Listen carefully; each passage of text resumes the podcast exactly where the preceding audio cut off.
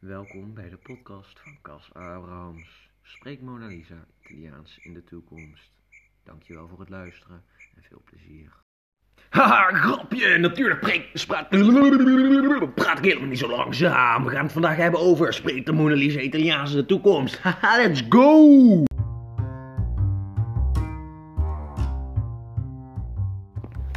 Alle onzin aside, we gaan het vandaag hebben over uh, spreek Mona Lisa Italiaans in de toekomst.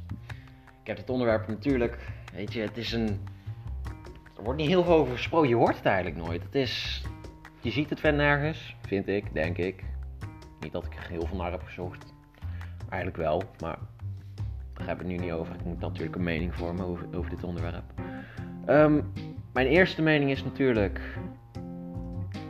Ja, het, is getekend door, geschilderd door Leonardo da Vinci. De, ik weet niet, een van de bekendste schilders en uitvinders ter wereld. Hij is natuurlijk geboren in Italië en het is daar geschilderd. Dus ik denk, ik vind dat het daar thuis hoort. Natuurlijk heb ik ook bij uh, een paar bekende bronnen gevonden.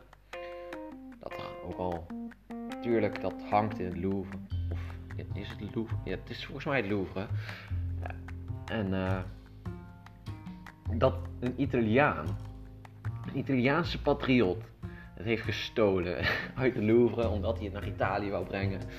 En uh, wat ik natuurlijk echt onzin vind, weet je. Het Louvre is een heel bekend, heel groot, heel groot museum. En het is een eer dat het, de Mona Lisa daar mag hangen. En ik zou ook geen Italiaans museum weten waar het dan zou kunnen hangen. Behalve misschien het Leonardo da Vinci Museum. Maar dat betwijfel ik of het daar thuis hoort. Echt. Maar ja, thuis hoort wel. Maar of het daar tot zijn recht komt. Omdat het zo'n goed bekend schilderij is dat miljoenen waard is. Of dat museum het veilig genoeg heeft.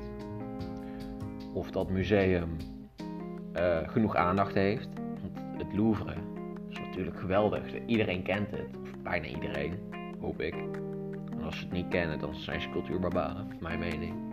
Mijn mening mag ik uiten in deze podcast natuurlijk. Want daar gaat het over. Het gaat over mijn mening uiten. dus ja, in het begin zou je al denken van... Spreekt de Mona Lisa Italiaans in de toekomst? En ik vind van wel. Ik vind dat het zou moeten, maar... De kans is klein. En toch zit er nog wel een kleine achter... Ja, ik weet niet. Het is moeilijk. Heel moeilijk.